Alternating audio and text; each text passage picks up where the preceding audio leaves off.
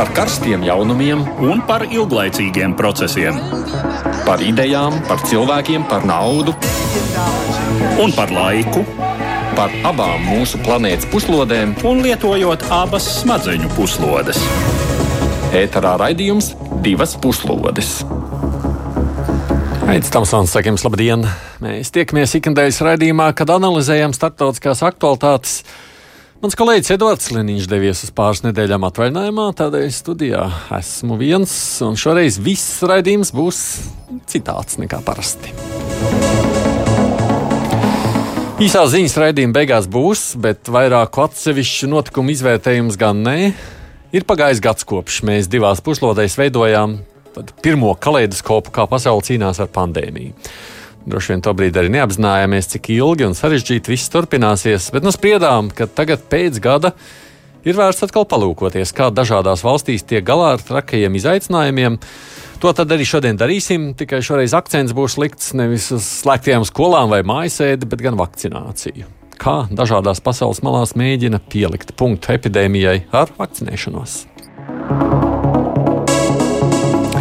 Mēs raidījuma laikā sazvanīsimies ar cilvēkiem, nu, es arī teiktu, no vairākiem kontinentiem. Protams, tā vien būs tāda atsevišķa valstu izlase, cik nu, mēs varam sazvanīt, jo aina pasaulē ir ļoti atšķirīga. Un iemesli, kāpēc tas ir tā, dažādās valstīs ir dažādi. Bet pirms mēs sazvanīsimies, lūkosim izveidot kaut kādu kopskatu. Uzklausot arī ekspertus, es ceru, ka mūs šobrīd dzird RSU un ārpolitikas institūta pētniece Vineta Kleinberga. Labdien! Labdien! Un Vidzemes augstskolas lektors Politloks Jānis Kapustāns. Labdien! Sveicināt! Vistuvākā mums ir Eiropa, un skatoties šeit uz visu to vakcinācijas procesu, man reizēm sajūta, ka tas tāds haotisks. Kleinbergs kundze, kāpēc Eiropa šajā ziņā šķiet tik vāja?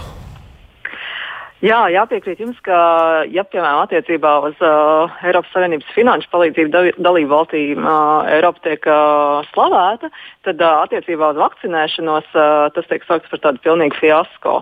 Un uh, Eiropas uh, Savienība ļoti būtiski iepaliek uh, vakcinēšanās tempos, uh, gan uh, iepratī Amerikas Savienotajām valstīm, gan uh, tai pašai Lielbritānijai, kas uh, no Eiropas Savienības ir aizgājusi. Domājot un runājot par tiem iemesliem, uh, kas varētu būt kavējis, uh, jāsaka, ka jautājumam ir divas puses. Viena iemesla ir saistīta ar pašu Eiropas Savienību. Un Eiropas komisija, otri ar dalību valstīm. Respektīvi, uh, Eiropas Savienība, lai nodrošinātu vakcināciju visiem uh, Eiropas Savienības iedzīvotājiem, uh, jau pagājušā gada vasarā uh, sāka sarunas ar uh, vakcīnu ražotājiem un uh, veidoja tā saucamo kopējo iepirkumu priekš visām Eiropas Savienības dalību valstīm. Mm. Lai arī labi domāts un lai palīdzētu tādām mazākām un vājākām dalību valstīm, kā varbūt, uh, Latvija. varbūt arī Latvija, tad šis iepirkums tomēr tā nav Eiropas Savienības tāda ikdienas praksa. Un, uh, Eiropas Savienība jau ir pietiekami liels un sarežģīts uh, veidojums, lai tā ātri, operatīvi un elastīgi noreaģētu uz jauniem izaicinājumiem. Un varētu teikt, ka šis uh, iepirkuma process arī ierā, izrādījās tāds lielākais uh, klupšanas akmens, jo šie iepirkumi un šie līgumi uh, beig beigās, uh, lai arī labi paredzēti un plānoja lielu vakcīnu piegādi Eiropas Savienībai, tomēr beig beigās uh, nenodrošināja visu vakcīnu piegādi, par ko, protams, Eiropas komisija tiek smagi kritizēti. Bet, Nu, jautājuma otrs puses ir saistīts arī, pašām, arī ar pašām dalībvalstīm, jo pat ja tās vakcīnas ir pieejamas, uh, daudzas no tām uh, nav un nebija izpotētas. Uh, ne dalību valstu pašu tempi, ne iedzīvotāju skepse uh, neveicina tādu ātru, aktīvu uh, vakcinēšanās procesu. Jā, kā jums šķiet, kas ir tās lielākās problēmas šobrīd runājot par Eiropu? Es varbūt eh, sākšu ar to, ka, ja mēs skatāmies uz visas pasaules teiksim, līmeni, nu, tad Eiropa varbūt galīgi nebūtu katastrofa un fiasko. Manuprāt, eh, Eiropa atpaliek no amerikāņiem un britiem, bet uz daudzām pasaules teiksim, reģioniem, ja mēs skatāmies, nu, tad tās lietas tomēr virzās labāk. Bet tātad tie trūkumi tiešām ir, ka Eiropas Savienība kā tāda ļoti liela institūcija un ļoti sarežģīta jau sen ir parādījusi, ka krīžu laikos tā darbojas diezgan lēni un smagnēji. Un ir diezgan liels grūtības pieņemt ātrus lēmumus. un ātri rīkoties, kaut ko ātri mainīt, jo tā ir diezgan sarežģīta organizācija. Plus Eiropas Savienība sastāv no 27 valstīm ar reizēm ļoti dažādām interesēm. Tas jau ir bijis arī situācijās ar migrāciju. Teiksim, nu, kad ir kādi līgumi, nav ratificēti vai kādiem citiem izaicinājumiem. Nu, šeit es domāju, tiešām tā doma bija baigta labā kopīgi veicināt šo iepirkumu. Un es domāju, ka Latvijas situācijā varbūt mums tas tomēr vairāk arī palīdz. Mēs varam tikai minēt, ja mēs nebūtu Eiropas Savienībā, vai mēs vispār pie tik daudz vakcīnām varētu tikt. Bet, nu, teiksim, salīdzinot ar dalību valstīm, tādās krīžu laikos, Eiropas Savienība viennozīmīgi ir lēnāka. Nu, jā, bet ja mēs lūkojamies uz to procesu, nu, līdzīgi kā Latvijā, tas, kas ir gājis centralizēti, mums ir gājis grūtāk nekā reizēm tas, kas ir aizgājis tādā netik ļoti organizētā procesā. Varbūt arī mums tā problēma nevajadzēja tik ārkārtīgi visu mēģināt centralizēt. Vai gan es nezinu, vai tas tā ir noticis. Nu, teiksim, tās um, spekulācijas un viedokļi ļoti, ļoti dažādi. Atcerēsimies, ka sākotnēji, piemēram, kad mums vajadzēja ātri maskas iegādāties, tā jau Baltika lidmašīna, ka lidoja uz Ķīnu, un tad ir daudz uh, teiksim, kritikas, ka ļoti dārgi pirkt un tam līdzīgi. Nu, šis ir pietiekoši sarežģīts, un es domāju, tikai laika mēs labāk redzēsim, nu, teiksim, ko varēja un ko nevarēja labāk. Un man ir tāds kluss aizdoms, ka varbūt Latvijā ierēģi un iespējams arī veselības ministrs. Mēs precīzi nezinām, vismaz publiski nokļūdījās uh, tādā ziņā, ka uztver liku tikai uz tām lētākām vakcīnām. Iespējams, ka tas lielā mērā ir pareiza rīcība, ne meklēt lētāko iepirkumu, bet šajā gadījumā paļaušanās uz vienu lētāko vakcīnu nu, mēs redzam, noved pie tā, ka mums vienkārši pietrūka tās vakcīnas. Nu jā. O, te jau Jānis pieminēja, nu, skatoties, ja mēs lūkojamies tādā plašākā kontekstā, kas tad darās citās pasaules valstīs, uh, uh, ir jau taču laikam. Uh, salīdzinoši ar citu valstu, nepieminot Ameriku vai Lielbritāniju, kur mēs starp citu arī sazvanīsim Eiropas raidījuma laikā. Uh, salīdzinoši taču labu, vai ne? Uh, ar Āfriku, piemēram. Nu, ja mēs salīdzinām ar Āfriku, tad jau mums ir ideāli par Āfriku un Āzijas un citiem reģioniem. Nu, tur vispār ir bažas, ka daudzus gadus tur nekas principā netiks izdarīts, vai arī tie procenti kur tiks veikta vakcinācija, būs ļoti neliela. Vakcīna viņiem nav, naudas nav. Un, teiksim, nu, varbūt tikai neliels skaits dabūs, tā, tur tā aina būs diezgan veidīga. Tomēr Eiropas Savienībā labi mēs ļoti daudz sev kritizējam, bet nu, es domāju, ka mums tomēr ir tā situācija daudz, daudz cerīgāka.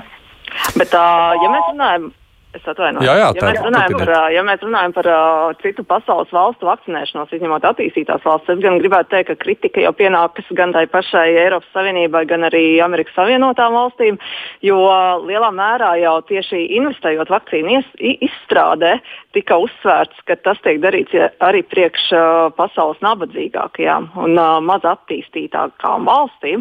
Un, uh, Eiropas Savienība jau janvārī paziņoja, ka vajadzētu šo stratēģiju, kā šīs vakcīnas nonākt nonāks arī pie nabadzīgākām valstīm. Tomēr līdz šim, uh, līdz tādam procesam, uh, mēs Eiropā neesam nonākuši. Un šeit, uh, protams, no vienas puses var apsveikt varbūt vakcīnu eksportu ierobežojošos pasākumus, jo tādā veidā mēs atstājam vakcīnas vairāk sev. To pašu arī, darījuši arī amerikāņi. Varbūt tieši tas ir nodrošinājis viņu augsto vakcinēšanās procentu. Bet no otras puses, nu, jautājums, kur tad ir šī atbildība par, par to, eh, kā Covid eh, izplatās pasaulē, atbildība pret tiem pašiem mērķiem, principiem, ko mēs paši esam definējuši. Nu, te vēl jāpiemina, piemēram, tāda valsts kā Krievija, kur mēs arī daudz pieminām, viņiem vakcīnas it kā pēc idejas netrūktu. Viņi tur ir jau izstrādājuši paši vairākas, bet ar pašu procesu jau arī viņiem nemaz nesokas, vai ne? Tā kā tas izaicinājums nav tikai vakcīnu pieejamība vien.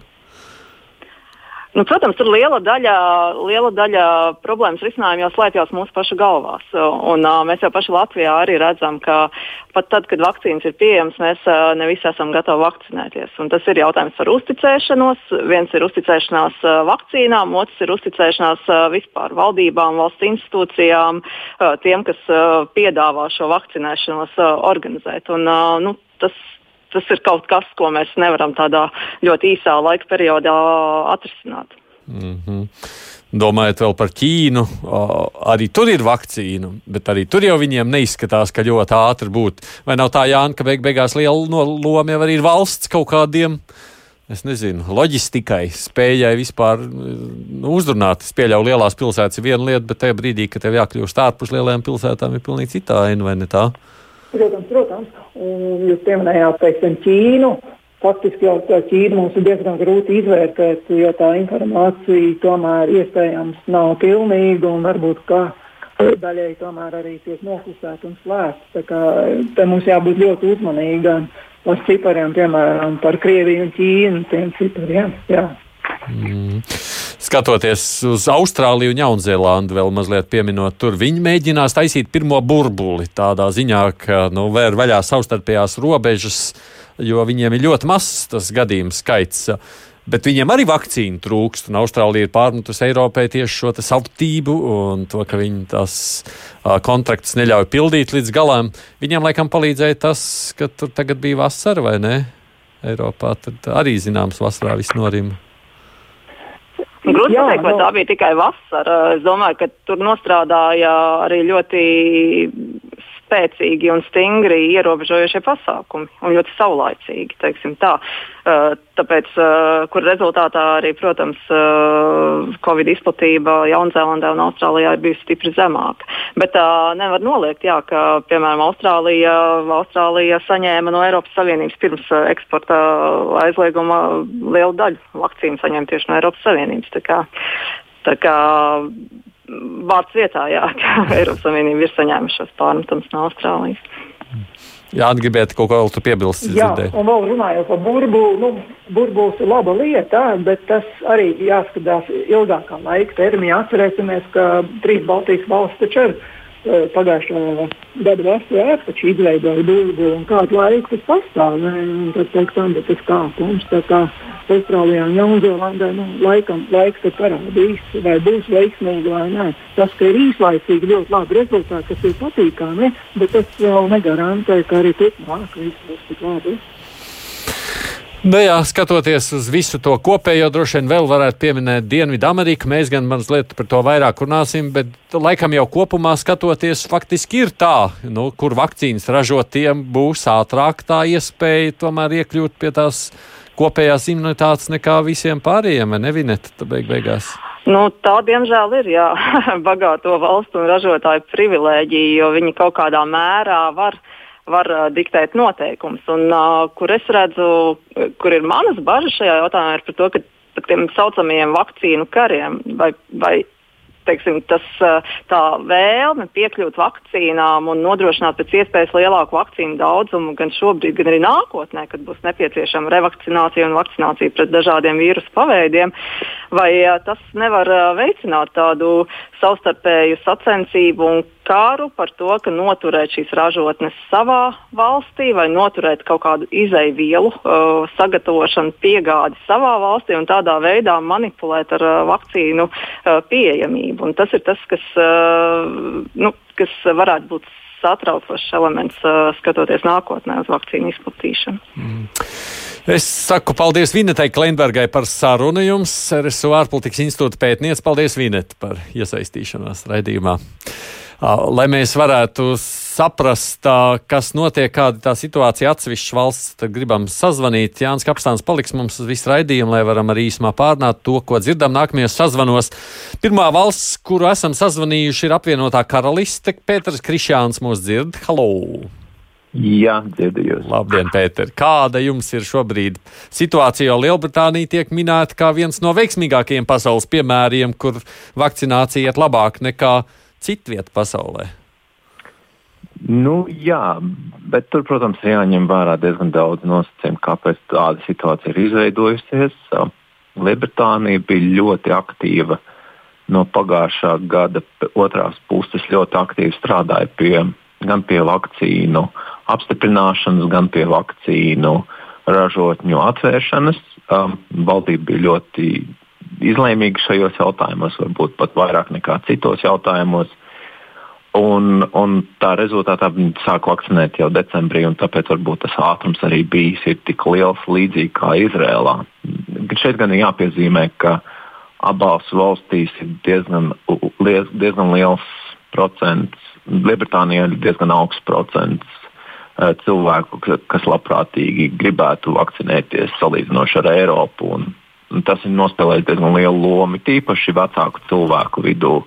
Eh, kuri šobrīd, ja nemaldos, ir apmēram 97% vakcinēti, kas ir 70 gadi un plus grupā, kas ir diezgan iespaidīgs wow. skaitlis. Wow. Wow. Ir, ir kaut kāds skaidrojums, kāpēc jūs esat tik ļoti imūni pret to skepsi, kas valda citvietā? Nu, šeit ir jāskatās tie, tiešām plašākā nozīmē veselības uh, aprūpes sistēma un, un kopējā uh, sabiedrības izglītotība šajā sakarā. Anglija, Anglijai vēsturiski ir paveicies ar to, ka viņiem ir šis Nacionālais veselības dienests, kas praktiski ir veicinājis diezgan lielu cilvēku izpratni par to, kāda nozīme ir vakcinācijai, kāda nozīme ir ārstu teiktajam, eh, speciālistu teiktajam. Nekad krīzes laikā praktiski nav bijis neviens brīdis, kad ārsta vai speciālistu teiktais tiktu ļoti stipri apstrīdēts. Ir vakcīnu skeptiķi, ir, protams, šeit arī tādi paši populisti, bet viņi ir krietni mazākā apjomā.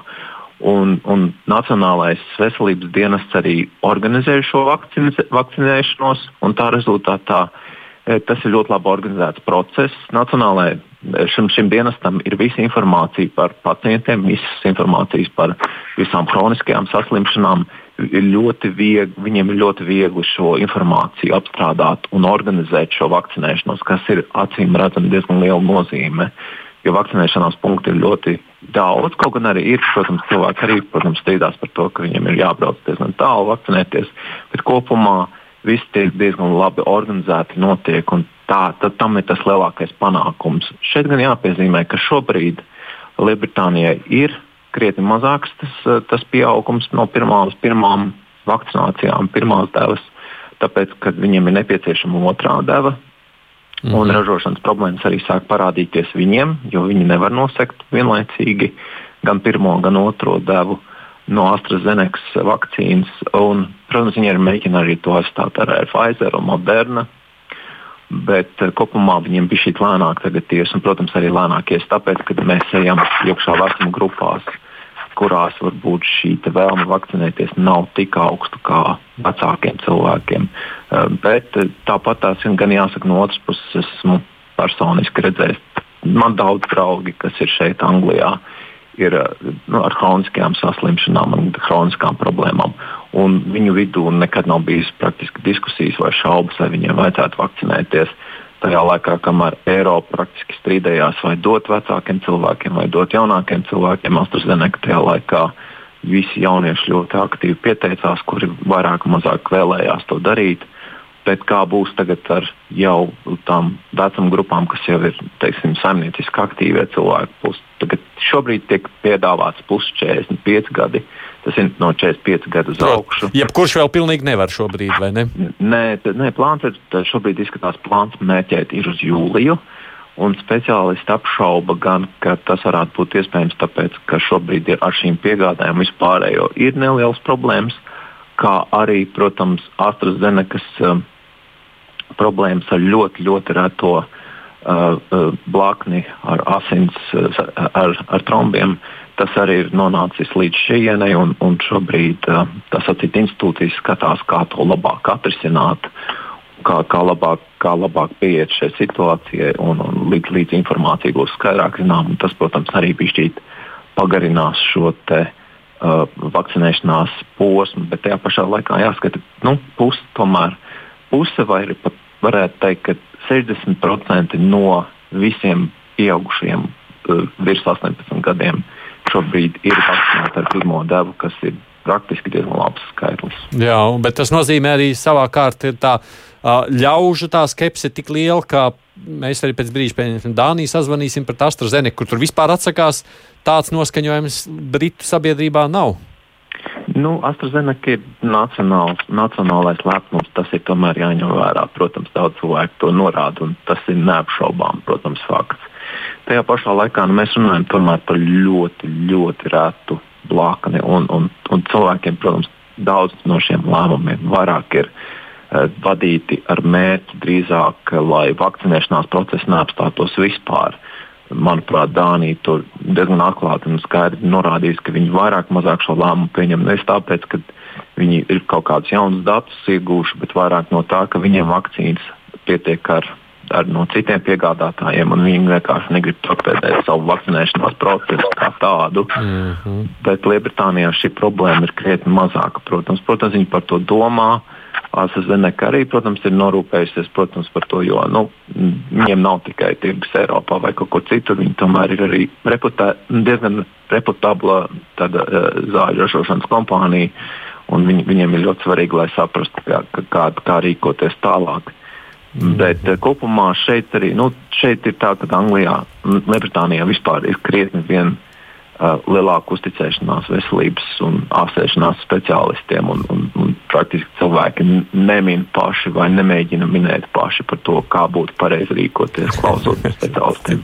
Paldies, Pēter, Krišān, kad mēs sazvanījām Jā. cilvēku no Lielbritānijas, apvienotās karalistes. Mums te arī Sandra raksta šādi. Esmu pusmūžā, man ir daudz draugu Latvijā un Anglijā, un visiem galvenais motīvs saņemt vakcīnu ir pārvietošanās brīvība. Anglijā ir daudz ārvalstu cilvēku, viņi regulāri dodas ārpus valsts. Latvijā tāds pats motīvs ceļošana, bet nu, Latvijā lielākā daļa iedzīvotāju nevar atļauties ceļot, tāpēc viņi var nevakcinēties. Un seniori šeit ir nobijušies no miršanas, tādēļ vēlas saņemt poti. Klā, Jāni, tikai tāda maza replika. Nu, Kā jūs skaidrojat to milzīgo atšķirību starp skepsi vakcinēties Latvijā, piemēram, kur mums tur ir 70% atsakās no tādas AstraZenekas un, un, un Britiem, kas redz, rulē uz priekšu. Jā, šeit jau mēs dzirdējām ļoti pārsteidzošu lietu, ka tiešām Anglijā, Lielbritānijā ļoti liela iedzīvotāja daļa tomēr tic vakcinācijai un uzskata, ka tas ir vajadzīgs. Un tas tā ļoti interesanti ir pretstatā pēc tam, kad Lielbritānija izstājās no Eiropas Savienības, kur vairākus gadus teiksim, tā, ilgi un mokoši stājās ārā. Likās, ka Briti arī ir ļoti sašķelti sabiedrībā, bet šajā vakcinācijas procesā nu, Britiem ļoti, ļoti veiksmīgi ir izdevies. Un viena no atslēgām, manuprāt, varētu būt tā, ko jau iepriekšējais runātājs teica, ka AstraZeneca vakcīna, ka tas ir britu ražojums, britu produkts, britu nacionālais lepnums. Un situācijā, kad nu, teiksim, Lielbritānija ir izstājusies no Eiropas Savienības, Nu, un piedāvājam vēl šādā krīzes brīdī, kad daudz meklē šīs vakcīnas, tad Britiem ir šī vakcīna, kura tiek ražota uz vietas Lielbritānijā.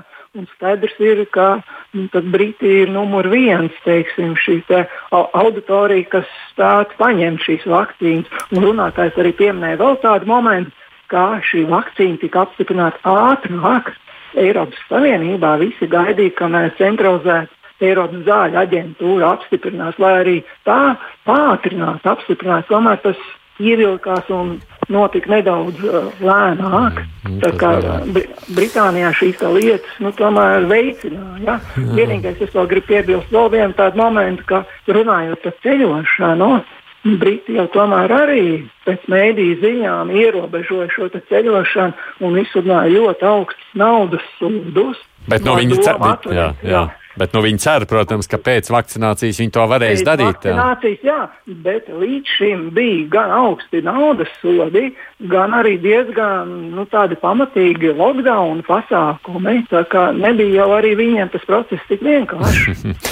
Mēs esam tagad sazvanījuši Vāciju. Alīna Boliņa mūs dzird no Hamburgas. Sveika, Alīna! Sveika, Airi! Prieks dzirdēt tevi! Saki, lūdzu, mēs par Vāciju savukārt iepriekš runājām raidījumā pirms dažām nedēļām, kad runājam par pašvaldību vēlēšanām, kas attiecas savukārt vairāk uz Dienvidu Vāciju un to, kāpēc uh, Angelas Merkeles vadītie partija zaudēja atbalstu, un tur uh, toreiz sprieda, ka tieši neveiksmīgais vakcinācijas organizācijas process šķiet šobrīd uh, politiķiem nespēlē par labu. Vai tā situācija sāk laboties vai mainīties? Uh, jā, varētu tā teikt. Šobrīd vakcinācija ir diezgan augstos uh, ātrumos. Uh, šodien, kas dzirdēju pēdējo skaitli, 17% no tautas uh, jau ir vakcinēti ar pirmo uh, poti. Un septiņi ir, kuri jau 7% no iedzīvotājiem ir saņēmuši divas potes. Uh, Um, prakses ir pārslogotas, um, ja teiksim, ir kaut kādas vajadzības, kaut ko dabūt, ir grūti, ir jāstāv mēnešiem ilgi rindā. Līdz ar to uh, in, in, in, potas notiek lielos ātrumos. Uh, mm. Jā, tas tiek, nu, principā tā kļūda tiek labota, labota kas pirms pāris nedēļām vēl nebija iespējams. Um, jā, tas jā. Uh, Bet jums arī ir prioritārās grupas tādā ziņā, ka nu, ne visi uzreiz var šobrīd tikt pie vakcīnas, kas vēlas. Jā, tur ir, tur ir patiešām tā problēma. Tur ir tā problēma, ka teiksim, darba tauta, kura gribētu. Kuri beidzot gribētu tikt ārā no tās stagnācijas, kad mājas, mājas sēdes, uh, kad mēs šobrīd labprāt gribētu, bet nevaram tikt um, pie potes, jo vēl joprojām ir tās grupas, kuras nav, nav saņēmušas par pirmo poci, un runa ir par 70 gadīgiem. Cik es zinu, šobrīd tiek potēti 70 gadīgie, starp 70, 80. Un, uh, jā. Tas nozīmē, ka vecumā... jā, ilgi jāgaida vēl. Jā. tieši tā, tieši tā. Bet nav nejausmas, kad varēs tikt. Uh, nu, jā, jā, runa ir par, par vasaras beigām. Par, ir, ir plāns līdz rudenim. Uh, vēlākais līdz tam rudenī gripas sezonai, bet nu, tā kā šobrīd ar visiem līgumiem, kas ir runa par uh, AstraZeneca un um, kā saucās tā otra? Johnsons. Otrais. Jā, Johnsons un Johnsons viņš šobrīd pārsver vēlreiz visus tos līgumus, bet, um, bet nelabprāt mēģina mainīt kaut ko. Viņi mēģina tomēr tos, to visu um, pēc iespējams vairāk un intensīvāk potēt. Un, un, un, un, jā, cenšas visus, visus uh, negatīvos uh, spriedumus par to kaut kā nolikt malā un mēģināt tautu tomēr aicināt, atsaukties. Uh, potēšanas aicinājumam un, un, un to arī attiecīgi realizēt. Jā. Vai vēl pēdējais jautājums? Latvijā savukārt attiecībā uz AstraZeneca tik ļoti liela skepse bijusi, ka valdība apsver variantu beigās taisām vaļā rindu. Tāda runa mums ir bijusi šeit raidījumā. Ļaujam visiem, jo lielākā daļa atsakās no iespējas ar šo vakcinēties. Nu, ja kāda atrodas, nu, tad lai iet. Jums tā skepse tik liela Vācijā nav? Uh, ir, ir, ir skepse par to, ir uh, diezgan asas diskusijas, un cik es šobrīd zinu, pašreizējais lēmums ir, ka uh, tautas iedzīvotājiem, kuriem ir jaunāka par 60 gadiem, AstraZeneca netiek potēta. Līdz ar to um, jā, šī iespēja izvēlēties tiek noņemta nost.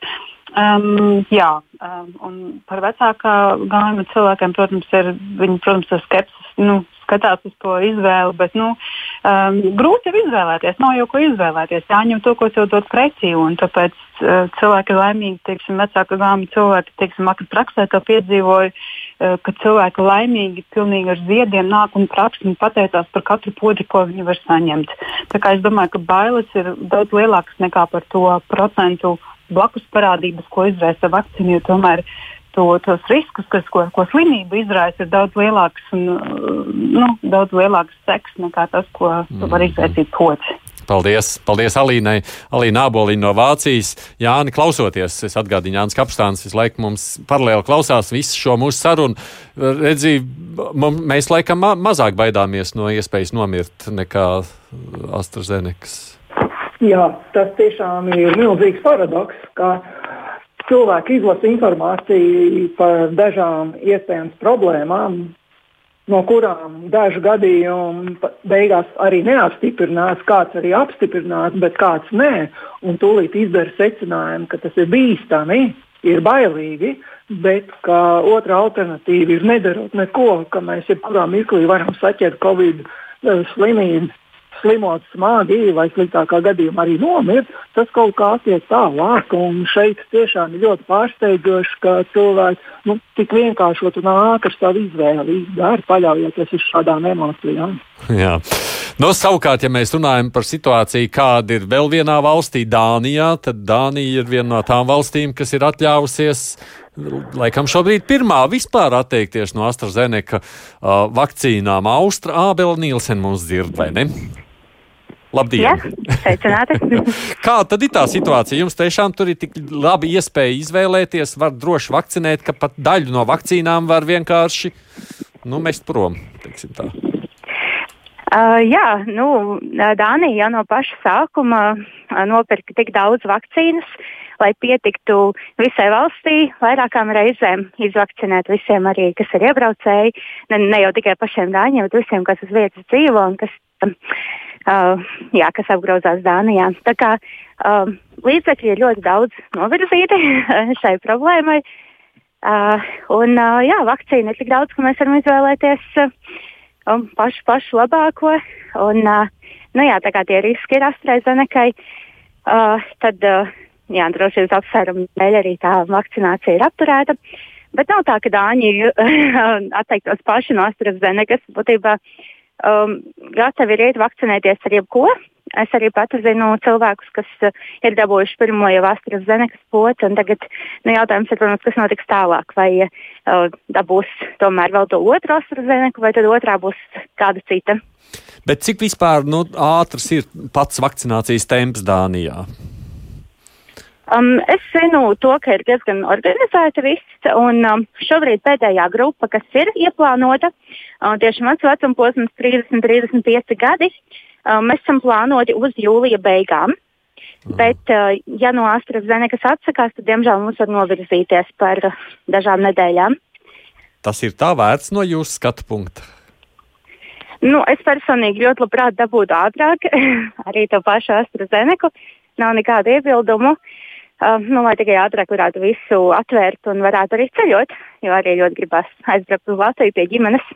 Nu, tas gan taisnība. Bet, ja skatāmies kopumā, tas nozīmē, ka šobrīd tās iespējas, jeb kapacitāte būtu lielāka vakcinēt nekā pašas pieejamās vakcīnas šajā mirklī.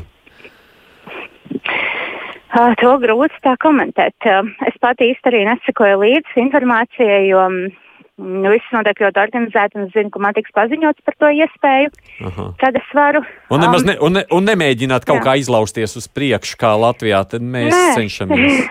Ne? Nē, tā doma vispār patiesībā nav. Nē. Es zinu, ka viss tiks paziņots. Mums ir iekšējā sistēma, kur visus publiskā sektora paziņojumus mēs saņemam gan no ārstiem, gan no policijas, un no pašvaldības un no nu, visām vietām. Tā kā Es gaidu paziņojumu, un tiklīdz tāds būs, tad es zinu, ka varēšu zvanīt ģimenes ārstam un sarunāt laiku, kad es varēšu iegūt vakcīnu. Bet jums bija arī, ja pareizi atceros, vakar lasīja tāds eksperiments, pamēģināt, cik var savakcinēt vienā dienā. Proti, atverot tādus lielākus centrus un pamēģināja 108 tūkstoši varēja vienā dienā, kas nozīmē, ka tad ir valsts ieguldījusi ļoti daudz arī šajā loģistikā. Jā, jā Dānija iegulda ļoti daudz, lai mēs varētu pēc iespējas ātrāk atgriezties normālā dzīves tempā. Un, jā. un skepse pret At... vakcīnām kā tādām, kas Latvijā ir diezgan liela. Kā tas ir jūsu? Um, šeit nav jūtama. Um, ikdienas dzīvē tiešām nejūt. Visi dara to, kas ir jādara. Likam valkāt maskas, valkājam maskas. Nekāda iebilduma nav. Viss tiek dezinficēts, viss notiek ļoti kārtīgi. Es pieņemu, ka ir cilvēki, kas pret to izturās skeptiskāk, bet uh, nevienam īsti nav. Uh, nu, nav tādas lielas, uh, lielas protesta akcijas, netiek veikts tik, cik Kopenhāgenā varbūt tie vīri melnā, bet, uh, uh, bet uh, šeit uz um, galvenās salas, kur es dzīvoju, visa dzīve noris mierīgi un uh, jā, tāda skepse. Tādā savstarpējā sarunāšanā, lai... draugu vai paziņu lokā, ja izdodas aprunāties, jūs nejūtat tādu. Oh, nē. Nē. nē, nu nav tā, ka visi ievēro mm, noteikumus. Arī ir cilvēki, kas attiekās joprojām ar saviem radiniekiem. Bet visās publiskajās vietās visur tiek ievērots līdz pēdējiem. Visi veikali ievēro ierobežojumus. Ir slēgts, kad ir jāslēdz, mm -hmm. visur ir dezinfekcija. Un, uh, nu, jā. un neviens, nu, ne, un neviens neiet ar karogu, saka, mēs nevakcinēsimies. Nē, nē, nē, tas viss ir. Muļķības. Nē, nē, nē, tā noteikti tas nenotiek. Nē, protams, tā ir katra izvēle, un gan jau ir cilvēki, kas arī to nedarīs. Bet lielākā daļa tomēr uh, uzticās valdībai, uzticās valdības lēmumiem, kas man šķiet, ka Dānijā ir tāda raksturīga iezīme, ka cilvēki īsti neprotestē, jo valdība ir pierādījusi to, ka viņam var uzticēties. Hmm. Paldies Austrai Ābelē Nilsenai no Dānijas, kur mēs sazvanījām. Jāni, klausoties šajā visā, vai mēs nedzīvojam kaut kādā citā valsts, pasaules vai nezinu, visuma daļā? Salīdzinājums ir ļoti labs, jā, protams, protams. Uh, nu, var jau būt, ka mazliet pārāk optimistiski tās lietas izklausījās par Dāniju, bet, protams, kā zinām, veida atšķirības ir, jo Dānija, protams, ir bagātāka valsts. Tur nav vairāk tās problēmas, kas mums ir. Nu, tātad, mums ik pa desmit gadiem tomēr ir šīs smagās ekonomiskās krīzes, pārēj no sociālismu sistēmas, drošības plus mīnus kaut kādu satraukumu riski. Un, teiksim, nu, cilvēkiem ir grūti arī noticēt valdībām. Ja mēs paskatāmies kaut vai slavenāko piemēru no tālā 1940. gada jūnija, kad Kārlis Ulmans pateica, es palieku savā vietā, jūs savā vietā, ka nekas slikts jau nav noticis. Vai, nu, vai teiksim, naudas maiņas, teiksim, naudas reforma maiņas, kur cilvēki pazaudē naudu. Nu, teiksim, tā, mums tā dzīve piespiedusi nu, būt uzmanīgākiem un daudz kam neticēt. Nu, diemžēl tā mums tās lietas ir veidojušās. Tiešām šis sižets parādīja, ka ļoti liela nozīme ir, nu, kā cilvēku uzticās arī valsts varai. Jā. Mēs dodamies ārpus Eiropas, pārceļamies pāri okeānam. Esam šobrīd sazvanījuši Sandiju Bajotu Hjūstonā, kas dzīvo viena no aktīvajām ASV Latviešu diasporas vadītājām. Labdien, Sandija! Labdien, labdien! Nu jā, jums jau rīts vēl, laikam, jāsaka, tā būs. Mums ir rīts, jā.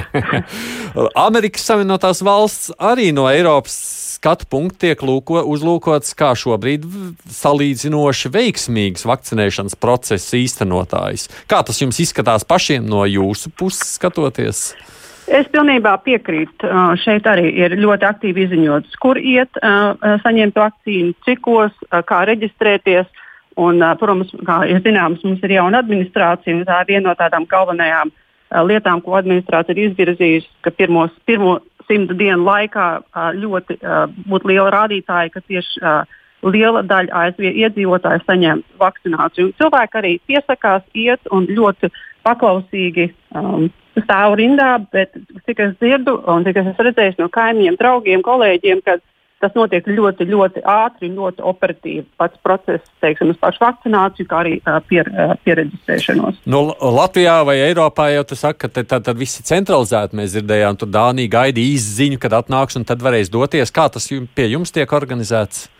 Dažādās teiksim, pieteikšanās var noteikt gan vietējās slimnīcās, gan pie ārsta, gan ja, uh, vakcinācija teiksim, notiek pat lielos stadionos. Tās ir dažādas mājaslapas, kurās attiecīgi iedzīvotāji tiek ieteikt, ka viņi var pieteikties vairāk kā vienā vietā, un kura no šīm vietām arī attiecīgi pirmā reaģē vai pasludina, kad ir pieejams. Uh, pieejams uh, laiks un datums, tad attiecīgi iedzīvotājs, pat ne iedzīvotāji, visi cilvēki, kas ir šeit, uh, drīkst uh, pieteikties un attiecīgi arī reaģē un ierodās, kur viņiem ir teikts būt. Nav tā, ka nu, mums te, piemēram, sākumā tikai ast, nu, visvecākos cilvēkus ar kroniskām slimībām, nu, proti. Bija. Bija. Jā, jā mums, mums bija tieši tāpat. Bija hroniskām, bija ar vecumu, un tas vecums tika mazināts. Pašais šeit, kur es esmu Teksasā, tas vecums jau ir 16 gadi, un praktiski tas nozīmē jau visi, kas grib un var un vēlas, var iet un pieteikties un, un saņemt. Cik es pareizi, un jūs pati? Es vēl neesmu, es, es vēl neesmu tam tikusi. Es esmu pieteikusi arī vairākās mājaslapās un uh, gaidu paziņojumu, kad uh, kur un kad man vajadzētu ierasties. Tā, tā kā vajadzētu kaut kad drīzāk, tuvākajā laikā būt, vai ne? Noteikti. Es domāju, ka tas droši vien būs nedēļas laikā. Jā, bet nu, jūs neuztraucaties par to pa vairākām lapām. Latvijā tas viss ir tikai ļoti centralizēti. Nevar vairākās vietās, var tikai vienā. uh, šeit pat ir, liekas, ir pat tā, ka ir tik daudzas vietas, kad uh, pat ir nesaprašana, kur un vai vēl un vēl un vēl. Um, bet tas it kā nevienu nesatrauc, jo, jo vairāk iespējas, jo ir zināms, ka tad ir vairākas iespējas un tā, tā, tas procentuāli attiecīgi būs rezultāts būs arī ātrāks un lielāks. Tā tas tas, tas gluži tā nav. Un es pēc tam vakar biju vienā 400 cilvēku lielā konferencē. Pirmo reizi gada laikā uz šādu pasākumu, un mm. es teikšu, bija ļoti veiksmīgi. Pār pa 400 apmeklētāju lielā viesnīcas uh, zālē. Jau var atļauties tik daudz vērt vaļā. Jā. Sakiet, runājam savukārt par vakcīnām, kādas jums ir pieejamas, un vai tur ir skepse pret noteiktām vakcīnām, kā uh, vairāk nekā citām? Nu, proti kādas ražotājas? Es, es teikšu tā, ja tās, kas ražotas šeit, um, uh, tās uz tām, protams, ļoti pozitīvi atsaucās. Skepti noteikti būs uz, uz, uz uh, vakcīnām, kas ir ražotas citās Eiropas valstīs, mūsu kaimiņu valstīs, lielajā uh, vai arī Ķīnā. Uh, no tām droši cilvēki. Uh, droši, ka uz tām nereģētu. Bet tās arī netiek šeit pierādītas. Kur, nav iespējas. Kuras tad ir jums tās populārākās, kuras tiek izlietotas?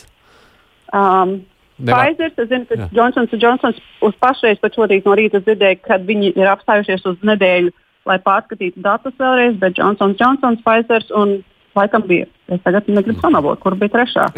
Vismaz trīs. Moderna droši vien varētu būt. Moderna, jā, tieši jā, tā. Paldies. Jā. Savukārt tā beig beigās skepse nav tik liela pret vakcinēšanos arī pie jums, kā tas ir vietums Eiropā.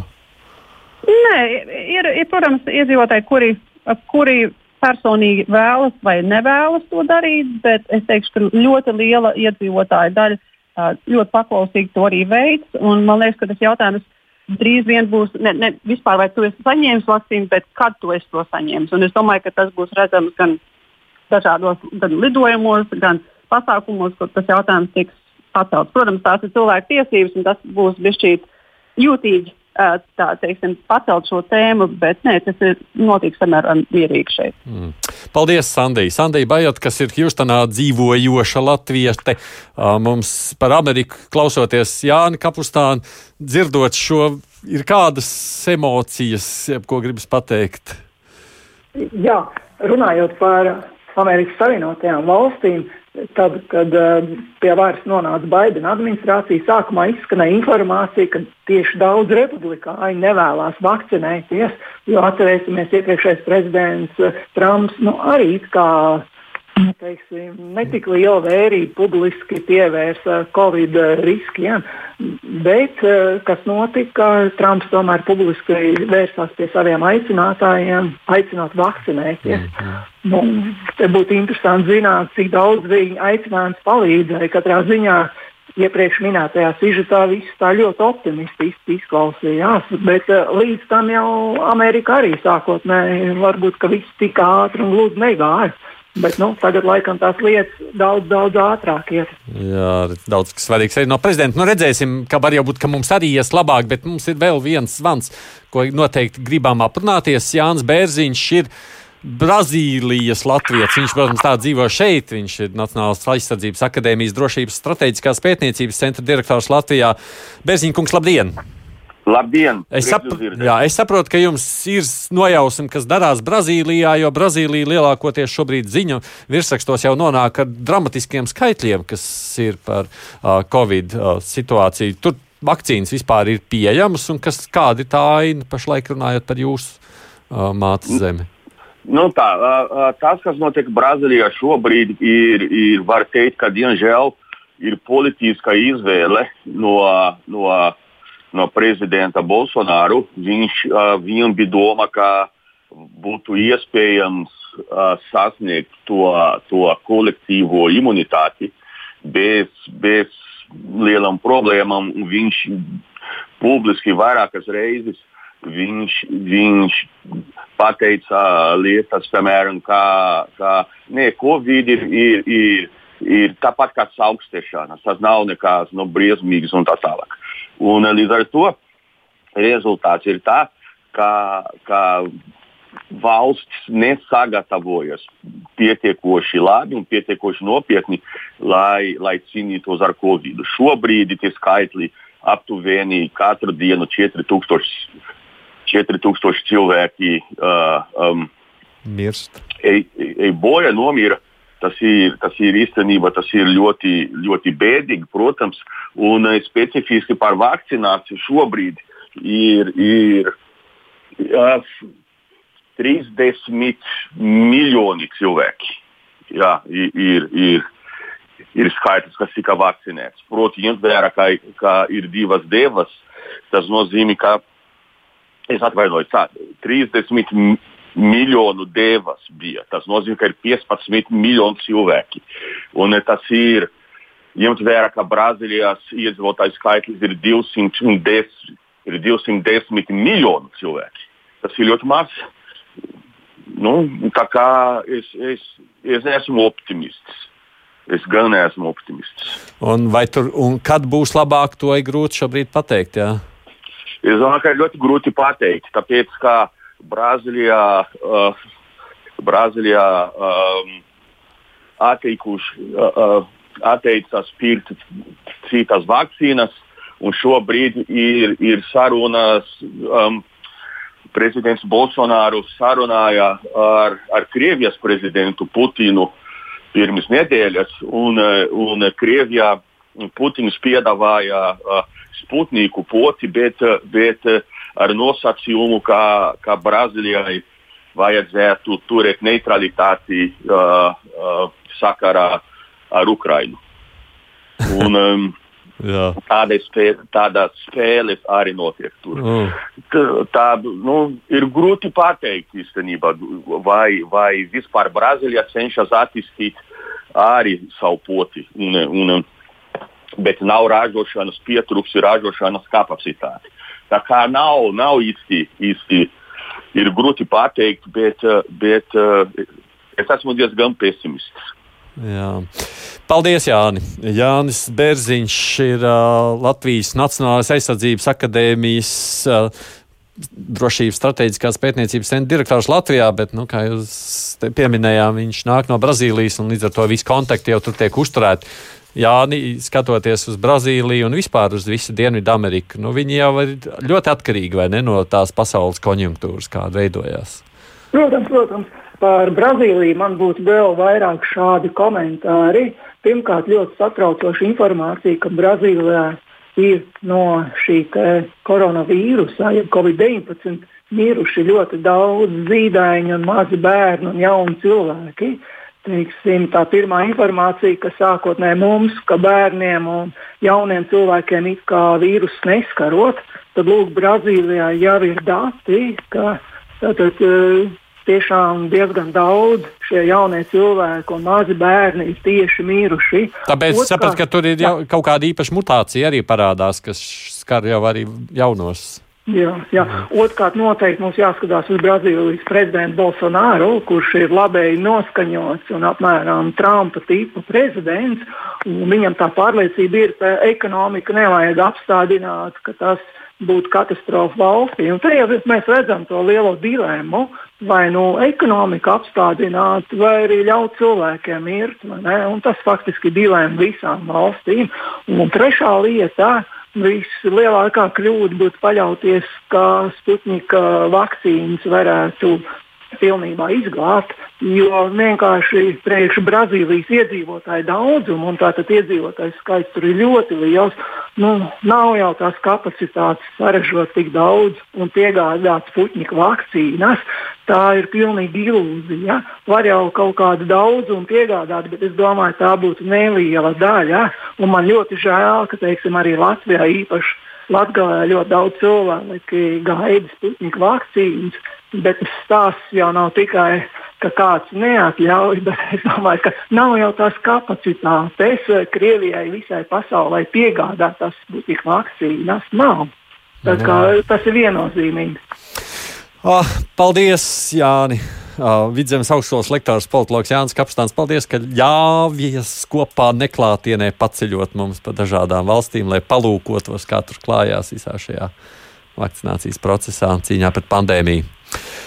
Es vēl tikai turpinot, savukārt gribu piebilst, pabeidzot šo vakcinācijas tēmu. Vakcīnu trūkums, acīm redzot, būs tas, kas vēl nākošajos mēnešos ļoti, ļoti noteiks visu šo tematiku un tālāko notikumu attīstību. Līdz ar to viena lieta ir, kā valsts organizē, otra lieta savukārt, nu, kurā brīdī vakcīnas būs pieejamas, lai tās būtu vispār šādā ziņā izmantojamas.